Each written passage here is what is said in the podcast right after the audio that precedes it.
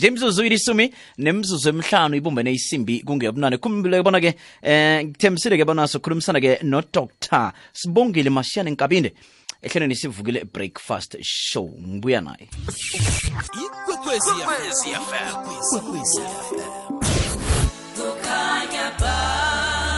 Uthi nakumele abuye enzani lokhu nalokhu nalokhu? Nangenziwa kabuye. Uthi unemibandela ebekako? Ebeka nguye. Ebeka nguye. Uthi naningenzi lokhu nalokhu akabuyi yena. Uyanitshela ukuthi ngenzeni Eh, akabuyi akabuyi akabuyi. Sport umthetho uyabereka mm. Eh, akabuyi dadutha akabuyi akabuyi. Yengifetheni mna ngozifulumbethe. Haye ngifulumbethe. Nawusola ukuthi unamatswayo wecorona dosela ku-0800 029 999 ikwekwezfm ithuthukisa ukuhlogonyelwa kwempilo. Kukhanya ba hlalo isivukile breakfast show livezwa ngumvezi ulimoyisa lo ngu-dj r vuna umhatsho ngokuhamba phambili ikwekwezi fm namhlanje ngelesihlanu khumbuleke bona kamalanga amasithumi amabili enyangeni lesikiyo inyanga kasinyikhaba. nokho unyaka sewuyokuphela-ke na- nawo-ke nawuthi uyaqalisisa mnyaka ka-2020 eh njengoba sibonile vele-ke kube mnyaka obudisana ebantwini abaningi. Nanje usesebudisi njengoba sewuyokuphela nje um abantu abaningi into bayithandazela ukuthi nokho ku-2021 kube mnyaka nokho ongathi uzabangconywana kunalo mnyaka lo ka-2020 kunonyaka lo ka-2020 emtatweni-ke nginodr sibongile mashiyane ngikabinde lotshani lotshani lotshani lotshani arivuna nabalaleli bonke bekwekwezi f m. Nivukile? Heyi siyavuka arivona sibuza nina. Awa khona thi sivukile nakuke sisemoyeni siyaraga siyathokoza. Kuthokoza thina-ke ngingazi bona i-breakfast sowuyidlile nam umuntu umuntu we-breakfast. Ngifastile ngifastile. Wo fastile.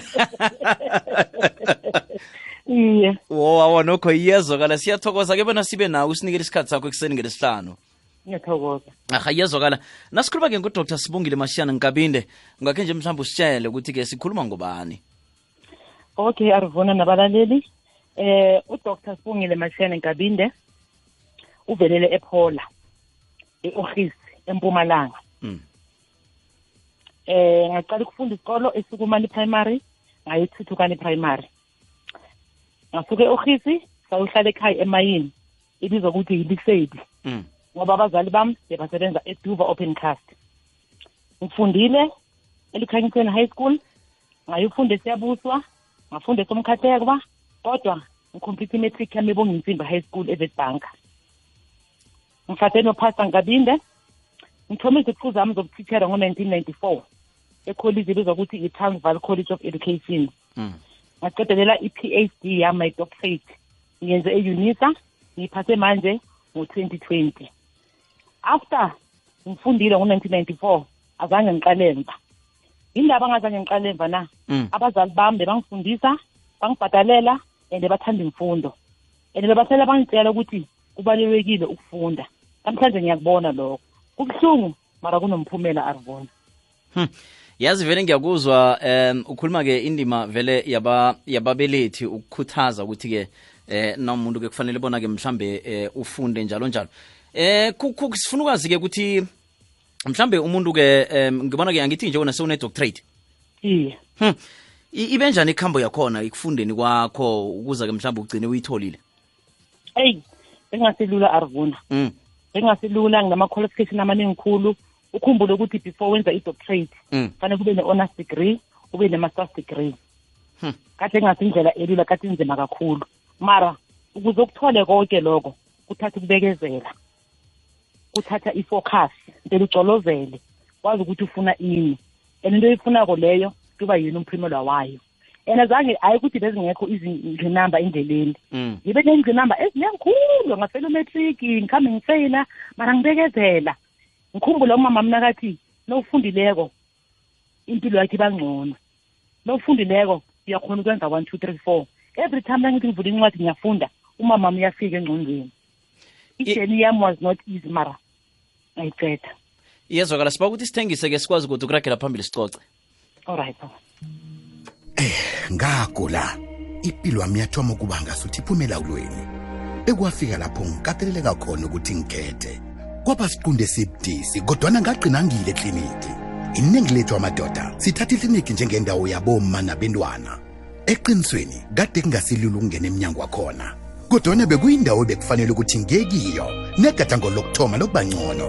Ngemva kwalokho ngabona ukuthi angidlali ngempilo wami nje-ke nangihloga ukuya ekliniki angicabangi kabili.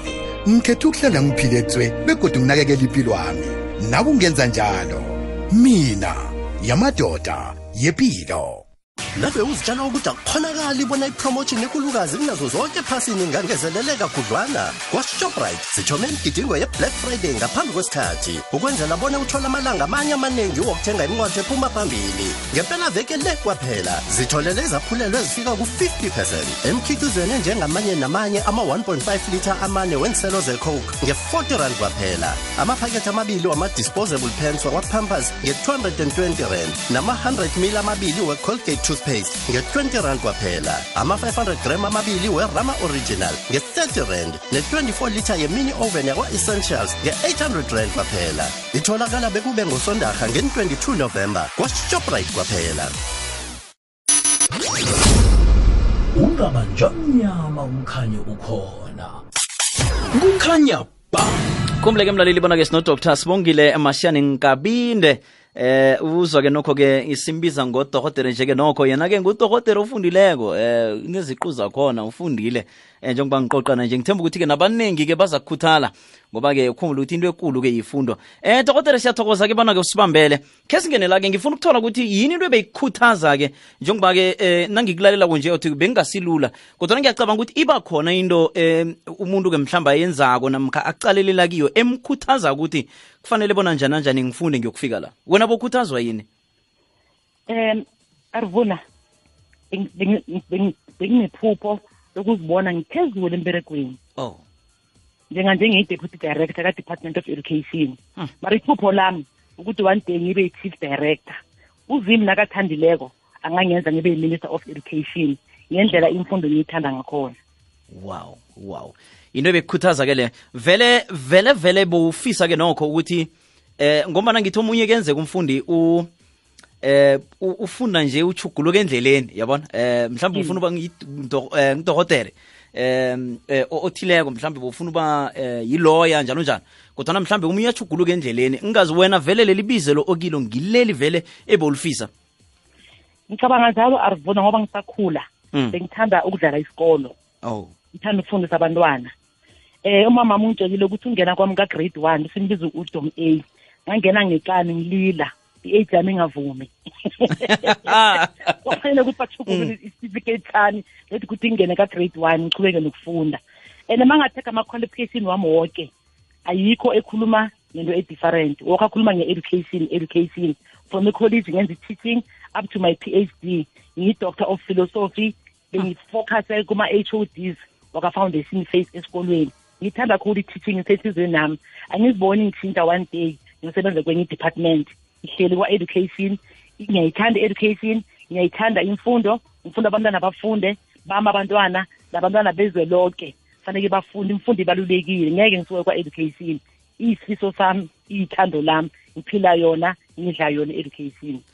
Njengoba-ke uthi uyafisa ukuthi ukhambe ukhambe uyokufika uzithole eh sowuphethe umnyango wezefundo. Na uqalako-ke mhlawumbe umnyango wezefundo wena nje mhlawumbe ukuqala nefundo ngendlela ekhamba ngakhona yini into ofisa ofisako nje ukuthi nange kuthiwa nikelwa nani ithuba lokuthi-ke um uphathe umnyango wezefundo yini into oyifisako ukuthi mhlawumbe ungayingezelela namkha ungayichugulula oh ngiyabonga ngequestion leyo. Ngithokoza kakhulu woke ama-interview engiwakuhamba le question noma bangakangibuzi ngiyikhuluma arivuna Mm. ngizokuthugululela ugrade r grade one grade two grade three. Iphutha alikho leka-grade twelve njengoba sikhuluma ngama-grade twelve. Mm. iphutha lika-grade one grade two grade three. Noma ngabe kwenzakalani ngiyathandaza ukuthi one day kube no-minister of education ofocuse khulukhulu ku-grade one two and three. Kulapho i-foundation ithoma khona. Sayibamba ku-grade one two and three from ku-grade four domuva kuphela. Yingako namhlanje sabantwana bangakwazi ukubhala nokufunda ka-grade twelve. Ngoba imosheke lapha ka-grade one two and three okuyisisekelo semfundo. Ya ngikuzwa kuhle khulu-ke lapho-ke. Um sesithembeke ukuthi izinto zizakwenzeka kodwana-ke ngefundo le unayo hawu into zokwenzeka nase ukhambi wokufika la khona bese-ke kunjalo-ke nokho angizukucala khulukhulu mhlambe-ke ngehlangothini ezefundo kuphela kodwana nawe nje ngizokucala mhlambe nangakuwe. Eh ukuthi-ke mhlambe nakwenzeka kangithi umuntu uyafunda bese-ke isikhathi sakho-ke la ungafundi khona. Eh vane wenzeni? Arivuna ngagruva khulu ngabona ukuthi umgruvo olwanye manje Okay, hayi khulu.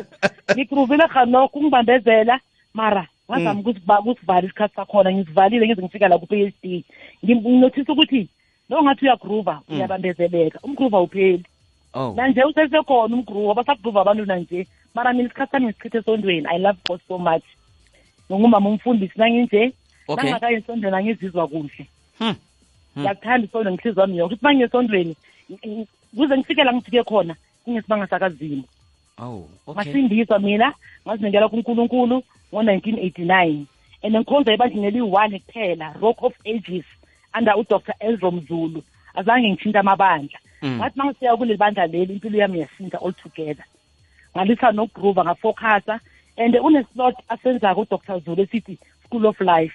Lapho ku-school of life usifundisa ngempilo in totality akasiyi-nex and azange angifundise ngiyi-one mina ngihlalise phasi siya-attenda every thursday and tuesday.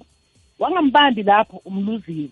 Usibhalisa ama-notes every day. Uma ngifike ekhaya ngingafunda ama-notes akhe la ngi-implement into angifundise yona. Hmm. ngifike ngifike kule bandla lela ngifunda ugrade twelve. Today i'm a doctor. Same test yazi um vele usakhuluma njalo nje uh, isihlanganisa nje nobumnandi ngombana-ke siyazi ukuthi abantu abantu abantu abantu-ke abatsha nabafundi nje bayatlola bakhona nabanye vele abalaleleka basemazikweni aphakemeko wezefundo. Um ubumnandi nefundo mhlambe ngiziphi izinto ekufanele ukuthi bazijeje khulu? Ngomunye vele ubumnandi ubumkakarelela safuthi iye kunjalo that is why i decided ukuthi ngiphume mina. Mm. kumele ube ne-choice. Ukuchubeka nomgroove is a choice ukuya esikolweni is a choice.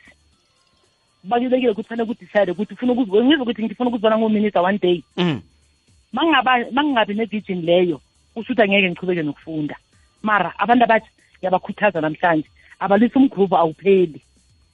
Ngathanda kade ngingagereki njengoba sengiqedile i-p h d. Ngathana ngathanda kusasa lokho kuthanda ngiyakuhamba ngiyoqruva qruvabi nje arvona ayipheli lapho sesekhona nanje Mm. awupheli umgrubu ubumnandi abupheli buhlale bukhona. Ikhona incwadi oyifundako? At the moment angifundi njengoba kade ngiceda ngiceda i-PhD manje I'm, trying ngizama uku- uku- ukubuyisa umzimba wami. It was not easy. There was a time la ngibhala khona uchapter five nge-PhD yami. Mm. ngihleli la ngiyabhala nganothisa ukuthi sekungu-six ekuseni.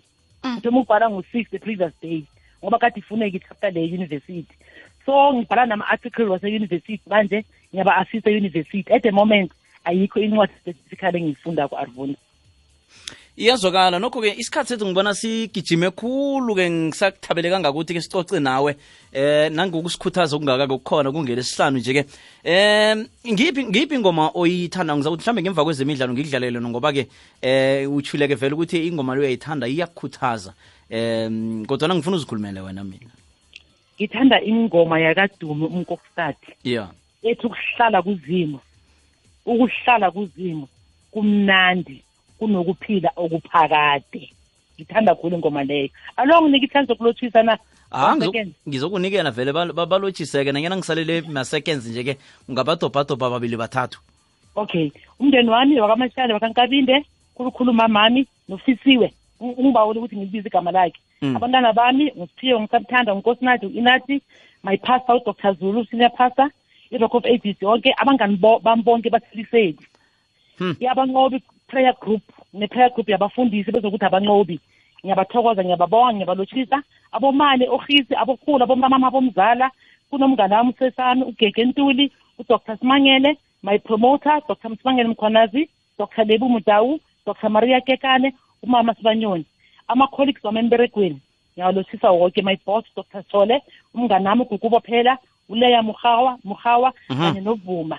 Kokugcina-ke bonke abangani bami abakufacebook naku-whatsapp nomngane wami omkhulu ngumzala yiprayer hora ngumramama upastor nomsebenzi malele. Ngeze ngamthiye ngimthanda kakhulu ngiyathokoza arvuna. Kuthokoze thina kufacebook ngubani?